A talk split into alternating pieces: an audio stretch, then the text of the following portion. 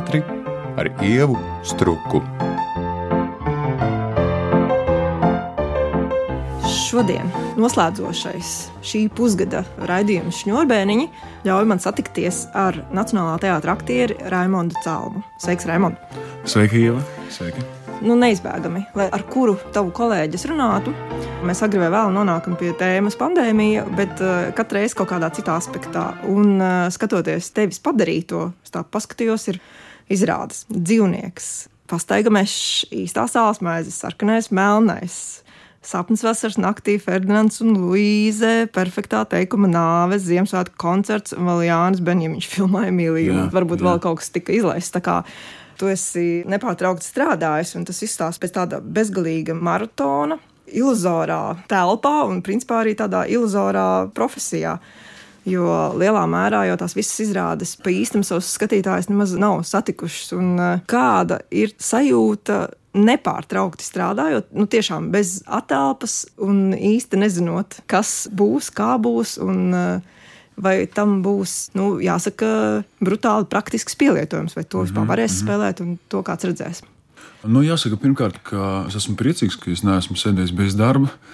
Jo kolēģi, kuriem varbūt ir bijis mazāk darba, es redzu, ka nu, tas ir tā kā tādam zirgam sēdēt stāvlī un netikt izlaistam. Tā ir traka sajūta. Un, eh, es esmu priecīgs par to, ka man ir bijusi iespēja darboties, bet es neteiktu, ka es būtu baigi pārstrādājies, jo tomēr tas pandēmijas laiks ir bijis diezgan garš un, un salīdzinoši jau No manas karjeras sākuma es katru sezonu esmu diezgan nodarbināts, un es kaut kā esmu pieredzējis. Man pat jāsaka, ka man bija tādi pagarāki tukšuma periodi, salīdzinoši, kad es pat varēju tā uzelpot un paskatīties, tā, kur es biju ieraudzis uz vairākiem gadiem. Un um, par to strādāšanu tukšai zālē, nu, manuprāt, tā ir pilnīgi bezjēdzīga lieta. Strādāt, nezinot, vai tas nonāks līdz kaut kādam gala rezultātam, jo man liekas, ka mēs izrādāmies pa pusē vienmēr varam tikai sagatavot līdz tam mirklim, kad izrādās satiekas ar skatītāju. Tāpēc man vienmēr ir likušies tādi aizdomīgi režisoru pieprasījumi, nenormāli ātri jau ieraudzīt gatavu izrādi, ko mēs, aktieri, tādā steigā mēģinam tagad eh, tukšai zālē parādīt. Nu, tukšai tādā ziņā, ka tur sēž tikai režisors, un tad viņš ir varbūt mierīgs vai priecīgs, vai tieši satraukts vēl vairāk, ka kaut kas tur nestrādā un nav tā.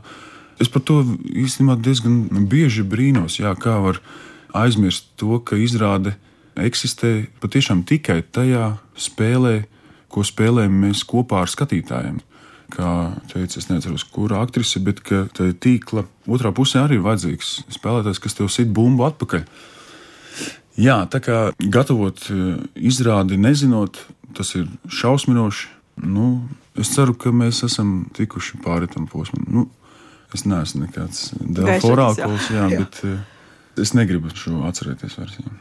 Tu aizvedi sarunu līdz tam, ka man liekas, mēs varētu paziņot, ka 2022. gadā nekāda ierobežojuma nebūs. Publika sēdēs zālē pilnā apjomā, un šis murgs būs beidzies. Bet īstenībā jau laikam, diemžēl, jāatzīst, ka nebūs viss beidzies. Tā kā man jau tas redz, Raimond, vairāk jautājums ir par to. Ka pazūd mazliet tā pašsajūta, vai tu esi izdarījis labu darbu, vai tas tā kā īsti nestrādā, ko tas iecerējis. Un ņemot vērā, ka tev to lomu ir bijis netipiski daudz šādam periodam, vai tu pats vari izvērtēt, kuri no tiem darbiem ir izdevušies, vai tu esi teiksim, kaut kādā veidā ticis tālāk soli uz priekšu, tai profesionālā kaut kādā varēšanā un prasmēs. Es esmu priecīgs par to, ka šie darbi, kuros es esmu bijis iesaistīts, šajos darbos man ir uzticētas pietiekami nopietnas lomas, un, un, lai to varētu kaut kā realizēt, es esmu bijis nodarbināts ar nopietnām pārdomām. Un es neteiktu, ka es varu spriest, redzot sevi absolūti no malas, kā savu kaut kādu karjeras gājienu, bet kaut kādas atsevišķas lietas, jā, es esmu piefiksējis, un, un par to es esmu priecīgs. Bet nu, tad man tomēr jāprasa, kas no šiem darbiem ir tas, kas tev liekas, ka tā ir tāda jauna pakāpe tevis paša darbā. Nu, Vispilgtāk man tomēr jāsaka, ka tas ir Stendāla darbs un, protams, Ferdinands un Luīza. Tie ir divi apjomīgākie darbi, ar kuriem es esmu bijis nodarbināts. Un, Un tieši tas, ka man ar viņiem nācās diezgan pacīnīties, lai, lai kaut ko tur tā justu, ka es kaut ko tur spēju izdarīt. Patiesībā tas man tik ļoti arī patīk. Tā grūtība, kam man ir bijis jāiet cauri.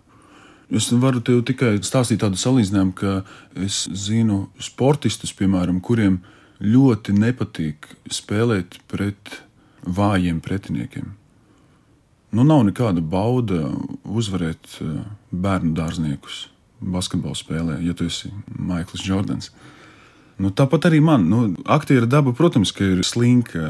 Nu, gribās jau tā, ka tu sev jau zināmiem, iestrādātiem trikiem, tu piemāni visus un kaut kādā ziņā arī pats sevi, tev liekas, ka tu kaut ko nu, baigi ģeniāli šobrīd dari. Un, un atnāks režisors ar izcilu ideju, ar tev parocīgu lomu, brīnišķīgi partneri, un tas kaut kā maģiski sakritīs ar tavu dzīvi, personisko. Un, un skatītāji to nolasīs visos plānos. Nu, cik es zinu, tas ir katra aktiera sapnis. Katra aktiera sapnis. Es redzu šīs cerīgās acis gan savā teātrī, gan arī pats spogulī skatoties. Tā kā ir forši atgādināt sev, ka tā interesantā lieta patiešām ir no tām grūtībām. Tas pārsteigums pašam sev, kas manī mīt, kas no manis nāk ārā varbūt sākotnēji kaut kādā ziņā liekas, ka kaut kas var nesakrist ar manu gaumi vai manām estētiskām pārliecībām vai kaut ko tamlīdzīgu, bet, bet kad tu ļauj sev pamēģināt, varbūt tomēr. Un kaut kas tur atbalsojas tevi, un tev iznāk kaut kādas tādas jaunas nianses, nokrāsas. Tas pārsteigums mani interesē. Bet uh, abas lomas, ko tu nosauci, pieder lielajai klasikai. Un uh, es arī zinu, cik daudz tu papildus darīji, lai šīs lomas būtu tādas, kādas tās ir. Un tas nav tikai attiecībā uz vokālu, bet arī man mīļo latīņu valodu, ar ko tu aizrāvies sarkanais un melnais mēģinājuma laikā. Un tas, ko es gribētu tev pajautāt, piemēram, vai šodien tev kā 30 gadniekam klasika iedod iespēju runāt par uh, savu laiku? Jo savā laikā Kirillis Serebrņikovs, kad viņš strādāja, viņš teica, nu, lai ko režisors taisītu, patiesībā viņš var taisīt pat antīko dramaturgiju, viņš pat gribēdams nevar uztaisīt par antīko laiku, viņš uztaisīs par šodienu un to laiku, kurā viņš dzīvo. Pirmkārt, vai tu tā arī jūti, ka, lai kāda gadsimta sarakstītu lomu tu spēlētu, tu spēlē šodienas cilvēku, vai tomēr aktieriem ir tā privilēģija, vienalga, ko teikt režisors, bet uh, iejusties tajā citā laikā?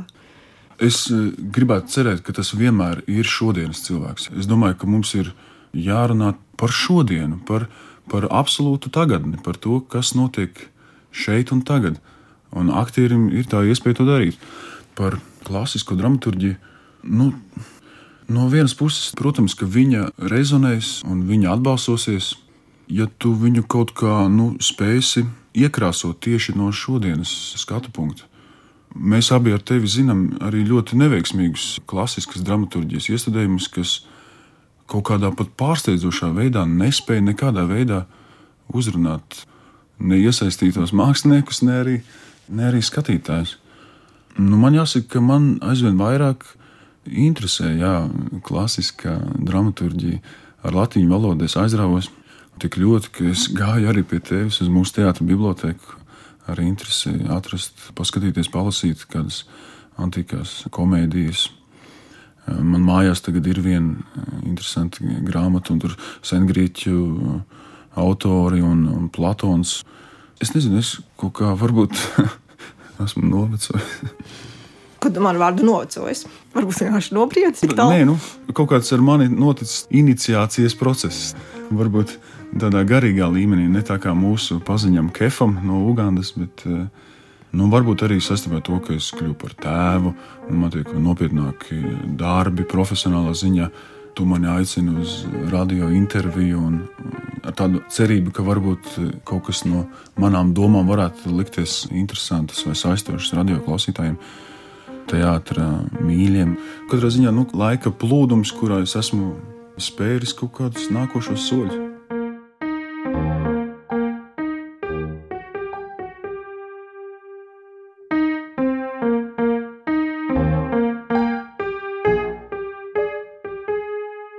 Raidījumā Šņurbēniņi skan saruna ar aktieri Raimondu Celmu no Latvijas Nacionālā teātra.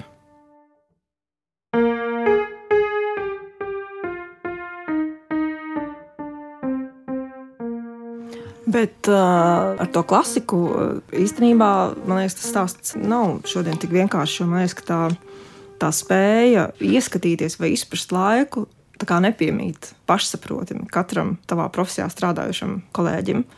Tāpēc man gribas tomēr saprast, nu, piemēram, sarkanais un melnais.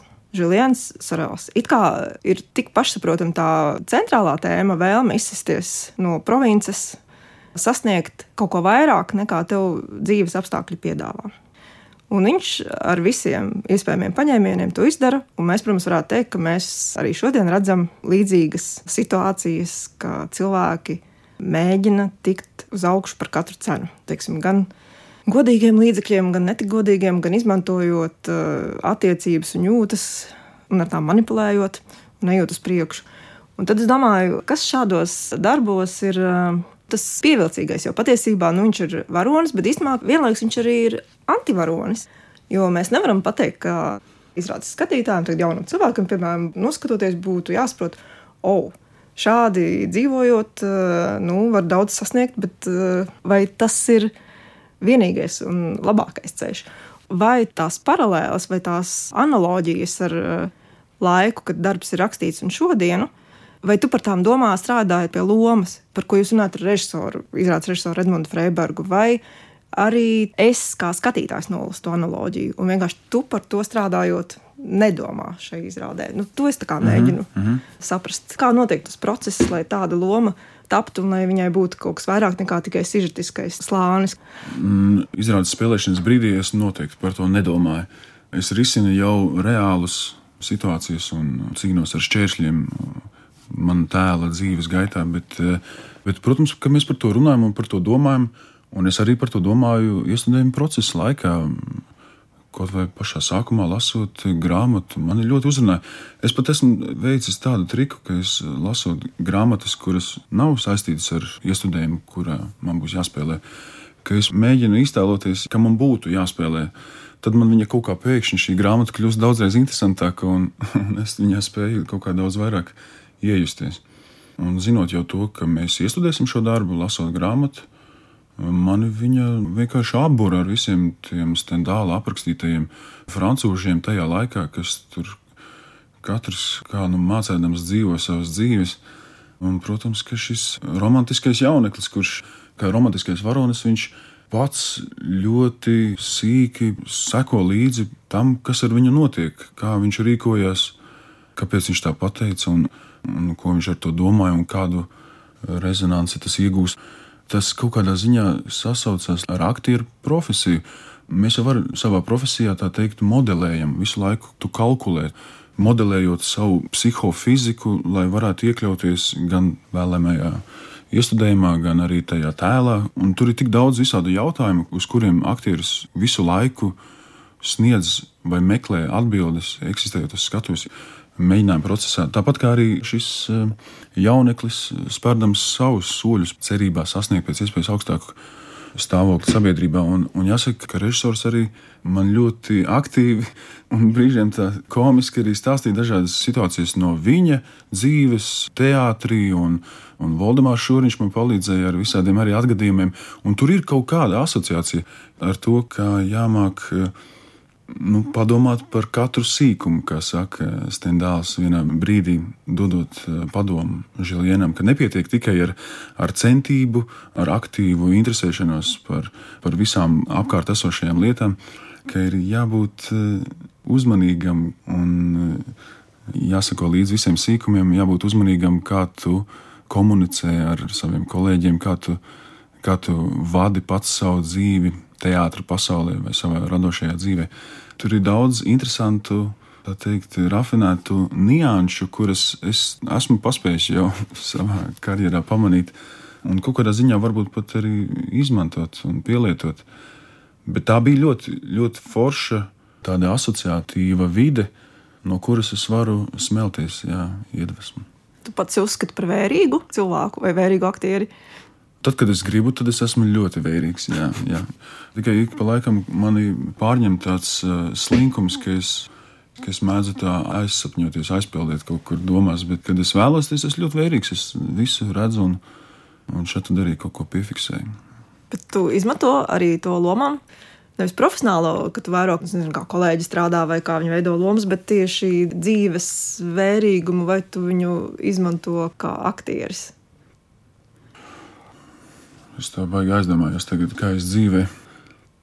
Nu, Pagaidām, vai tu man vari Nu, palīdzēt? Atcaucoties Jā. uz to vienkāršo kājas citātu, tur Čehova kājā ir, kad nomēr, nezinu, balts mākonis aizpildēja, un tu padomā, mm, ja gadījumā es rakstīšu stāstu par jaunas meitenes mīlestību, tur noteikti aizpildēs balts mākonis, nu, līdzībās runājot. Vai, teiksim, tad, kad tu ej pa dzīvi un te mm. ienāc radio un, nezinu, sveicinies, vai tas, kā tu sveicinies, ja tu to nofiksē, vai tu to vari izmantot pēc tam kaut kur tālāk savā pilnīgi citu raksturu darbā. Nu, jā, jā, protams, protams. Patiesībā kopš es sāku studēt, un mani pedagogi aicināja novērot pēc iespējas vairāk dzīvi, kaut kādā tādā zemapziņas līmenī, es to daru visu laiku. Lielākā daļa šīs informācijas man visticamāk pastīt garām, bet eh, tāds novērotājs manī sēž visu laiku. Jā, jā, jā noteikti. Un ir kaut kādas tādas zīmīgākas lietas, kuras kaut kā zemapziņā paliek, un viņas varbūt kaut kur uzpeld. Ir kaut kas ļoti konkrēts, ko es momentā uzreiz nofiksēju sev atmiņā vai kaut kur pierakstu. Visbiežāk tas ir jau konkrētā iestudējuma eksemplārs, kur es redzu, ah, šito es atpazīstu, to es varētu izmantot. Bet, zini, kas patiešām man patīk, tā, tā neapzinātība, tas, ka no manas zemapziņas kaut kas uzpeld. Un, un tad ir vajadzīga tikai drosme, mēģinājumā ļaut sev vaļu, un tajā mēģinājuma procesā arī kaut ko fiksēt. Piemēram, mēs aktieru zālē mēģinām kādu epizodi, un, un es ļaujos tam, kas tur tā, mums tā mēģina dzimt, un pēkšņi uzpeld kaut kāda mana nianse, kur es arī tajā mirklī es jūtu, ka šis strādā. Man režisors saka, tas bija labi, un es viņam piekrītu. un Es domāju, jā, tas ir, tas ir jāmēģina nofiksēt un atkārtot. Jā. Tad tavi eksemplāri nav ar baltām malām. Nē, nav. Tu nākotnē viņus varēsi nu, dāvināt, piemēram, teātrim muzejam vai kādiem jaunajiem talantiem. Nu, diez vai. Tāpēc, ka pirmkārt, kā jau es minēju, man ir kaut kādas tādas profesionālas pārdomas, kuras reizēm varbūt, ja kādā mēģinājumā nav gājis pārāk labi, tad es pats par sevi kaut ko uzrakstu tur. Vai arī, ja man ir kaut kādas pārdomas par režisora piekopto taktiku mēģinājuma laikā, tad es varbūt kaut kā nokomentēju. Bet tikai tā, lai atzīmētu sevi. Bet es vienmēr mēģinu tā apjaust, kas tas bija un kaut kā tā metaforiski tā noformulēt. Mhm, skaidrs. Bet eh, otrkārt ir arī tā, ka es savus eh, vecos eksemplārus vai nu vedu vecmāmai uz laukiem, Palasīt. krāsnī iekuram, vai arī Nē, nu rājumu, bet vecumā viņi varbūt vienkārši to glabā un lasa. es nezinu, diez vai. Bet, zināmā mērā, man nav absolūti nekādu tādu iebildumu pret to, jo tam nav patiesībā vairs nekāda sakara ar manu radošo darbību. Tas ir jau postfaktum, kas, ja kāds tur pēkšņi nejaušā kārtā tiktu pie tā un lasītu. Eh, Jo es savu eksistenci un savu radošo darbību asociēju tikai ar to konkrēto mirkli, ko es kopā piedzīvoju ar saviem kolēģiem un ar skatītājiem. Varbūt arī no studijām ir iestrādājies tāds aizmirstības instinkts, tāds, ka es, es kaut kā momentā spēju aizmirst to, kas vakar notika, jo es zinu, ka rītdien ir jāspēlē jau cita izrāde, vai arī tā pati izrāde ir jāspēlē, un man atkal tas ir jāsāk no jauna. Nu, patiešām, jā, tas ir no, no pedagogiem iemācīts tāds triks, ko es tikai nesen apjautu, ka es viņu automātiski izmantoju, ka es tā čuk, čuk, visu tā dzēšu, dzēšu, dzēšu, jo man atkal ir jauna diena, atkal man ir jāķer tagadnes mirklis. Nu, redzi, bet te tev tomēr es kā teātris vēsturnieks gribētu lūgt klausītāju priekšā. Nu, tomēr nedod iekuriem tos eksemplārus, jo principā šī laikā, kad tik maz kas tiek pierakstīts, tici man, tam ir milzīga vērtība, lai varētu teiksim, restaurēt to domu gaitu, kas ir bijusi mēģinājumos. Un es nelūkšu, lai tu man publiski to apsoli, bet vismaz es tev publiski to pateikšu. Nesadedzini eksemplārus. Es ceru, ka man pietiks drosmes to tomēr nedarīt.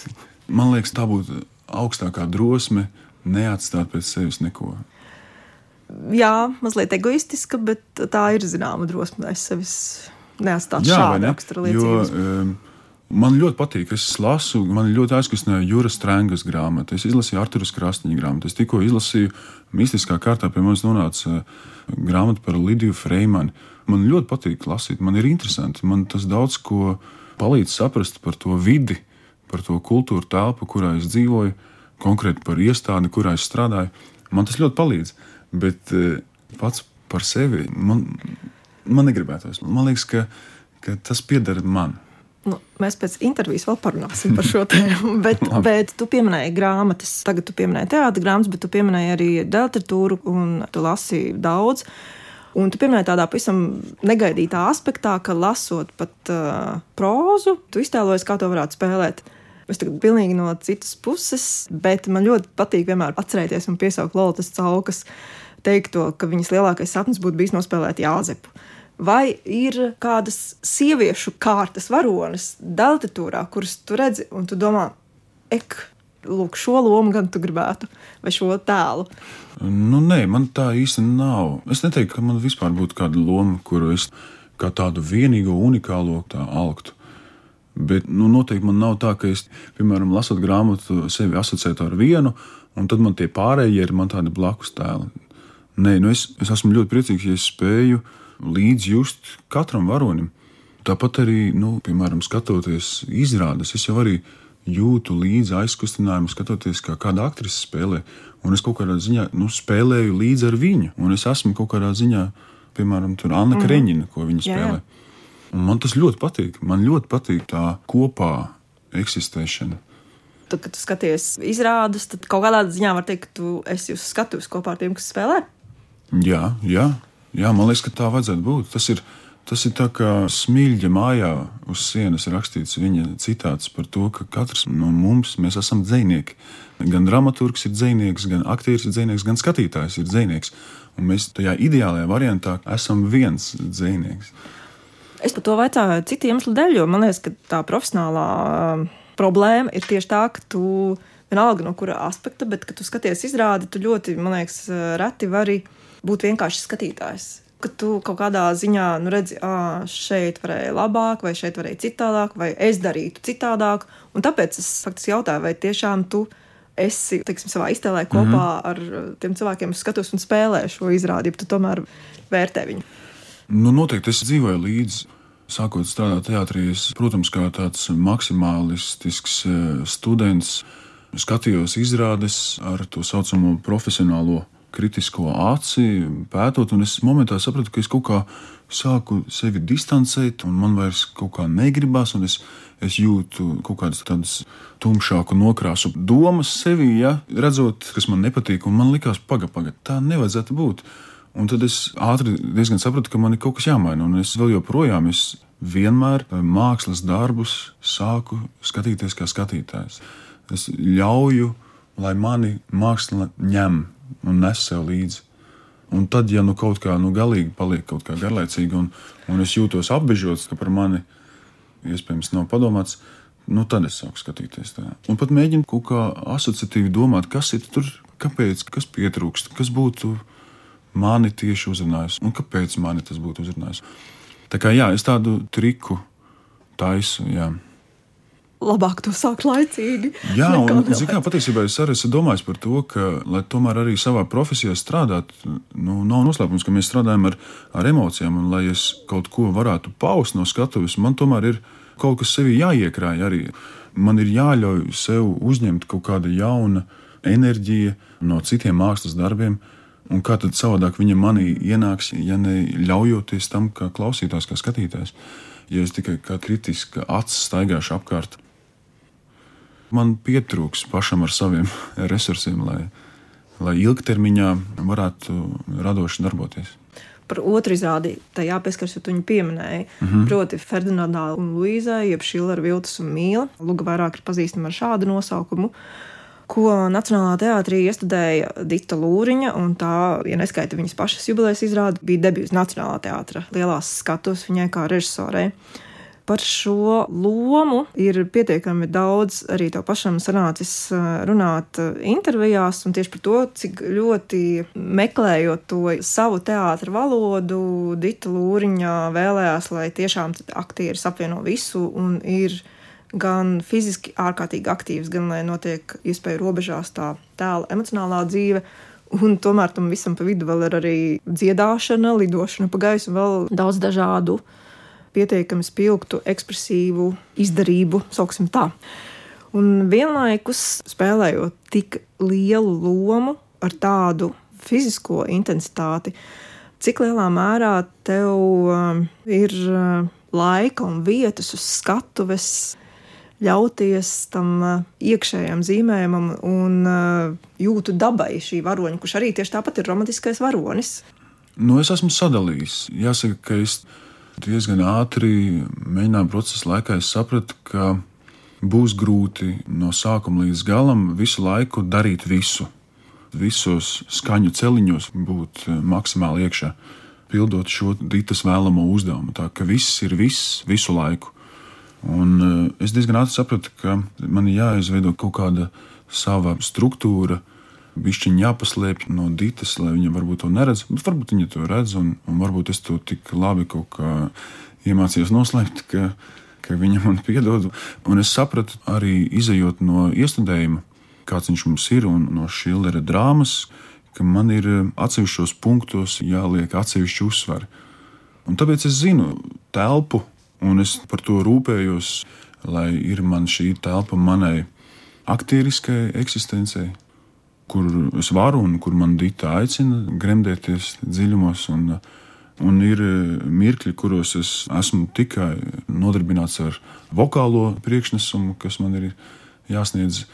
Lugas sākumā es noteikti rūpējos par to, lai nodibinās šis kontakts ar Luīzi, lai viņš ir spilgts un acīm redzams un, un zīmīgs. Jo tomēr Lugai beigās ir jāveic traģiski. Es nezinu, kādā veidā, bet es jūtos labi šajā izrādē. It kā varētu mulsinoši likties tie daudzie uzdevumi, kas tur jādara, bet uh, laikam šī struktūra man palīdz. Es patiešām es zinu, ka man būs tas gabaliņš, tas gabaliņš, tas gabaliņš. Tur es varēšu ļaut sevi šai burvīgai neziņai, kas mani nes. Un, uh, jā, man katrā ziņā nav bail no šīs lomas, no šīs izrādes runājot par lidošanu uz skatuves, es neprasīšu, kā lidot, bet tas kaut kādā ziņā ļoti jauki sasaista kopā šī raidījuma nosaukumu, šņurbēniņu. Mm -hmm. Jo mēs varam iztēloties, ka no viņiem tu nolaidies un viņos tu pacelies. Un tad man ir divi tādi nelieli Ziemassvētku jautājumi. Proti, pirmais, tu, kas esi tagad mazliet palidojis arī pie šņurbēniņiem un zem viņiem tieši. Vai tu vari iztēloties, kas Ziemassvētku naktī, naktī notiek Nacionālā teātris Ņorbēniņos? Mm, nu, tā tīri fiziski es domāju, ka tur nekas nenotiek. Tur ir kluss un tumšs. Man pat jāsaka, ka tā ir tāda telpa, par kuru es nedomāju. Bet varbūt pēc šī raidījuma tu vari tur iegriezties tā jau apzinātāk. Katrs netiek iekšā šņurbēniņos, bet tu vari. Jā, starp citu, es ik pa laikam uzkāpu tur. Man patīk tas leņķis, kā var skatīties uz skatuvi, jo tur var nedaudz redzēt skatītājus un var nedaudz redzēt arī aizkulises, un, protams, to, kas notiek uz skatuves. Tieši izrāžu spēlēšanas vakaros man tur patīk uzkāpt, kad notiek kāda cita izrāde, kurā es neesmu iesaistīts. Jā, ļoti interesanti. Man tomēr liekas, ka tur varētu notikt interesantas lietas Ziemassvētkos. Jo gal galā, kur vientuļo aktieru gariem pulcēties Ziemassvētkos, kā tikai šņurbērniņos savu teātri. Protams, ka var racionālāk uztvert šo lietu un ne tik racionāli. Un pats pēdējais jautājums, tu jau pieminēji, ka tu mazliet citādāk kopš šī gada raugies uz pasauli, un tad tiešām es gribēju atļauties šo mazo personisko atkāpi. Kādi būs tava dēla pirmie Ziemassvētki, jeb tevis kā tēta pirmie Ziemassvētki? Mēs esam nodomājuši braukt uz mežu. Cerams, ka būs lielas baltas kupenes, atrast kādu necilu eglīti, kas ir īsta eglīte, nevis tā skaistā trīsstūra kuplā eglīte, ko var nopirkt pie lielveikaliem. Apušķot to, iekurt mazu ugunskura, uzcept kādu desu, varbūt uzvārīt zupu, nu to mēs vēl neesam izdomājuši. Jā, nu, nu noteikti, ka mēs aizbrauksim arī uz manu dzimto pusi, uz Aluksni. Ciemos pie vecmāmas, jā. Raimond, paldies, ka tu atnāci uz šņurbēniņiem Un, uh, lai tev izdodas tomēr arī viss tas, par ko mēs runājam, proti, neatbrīvoties no pagātnes ātri un ar vieglu roku. Tātad raidījumā Šņurbēniņi šodien viesojās Nacionālā teātris aktieris Raimons Cāms. Ar viņu sarunājās teātris zinātniece Ieva Struka un raidījuma producents bija Sandra Edvecka. Paldies! Paldies!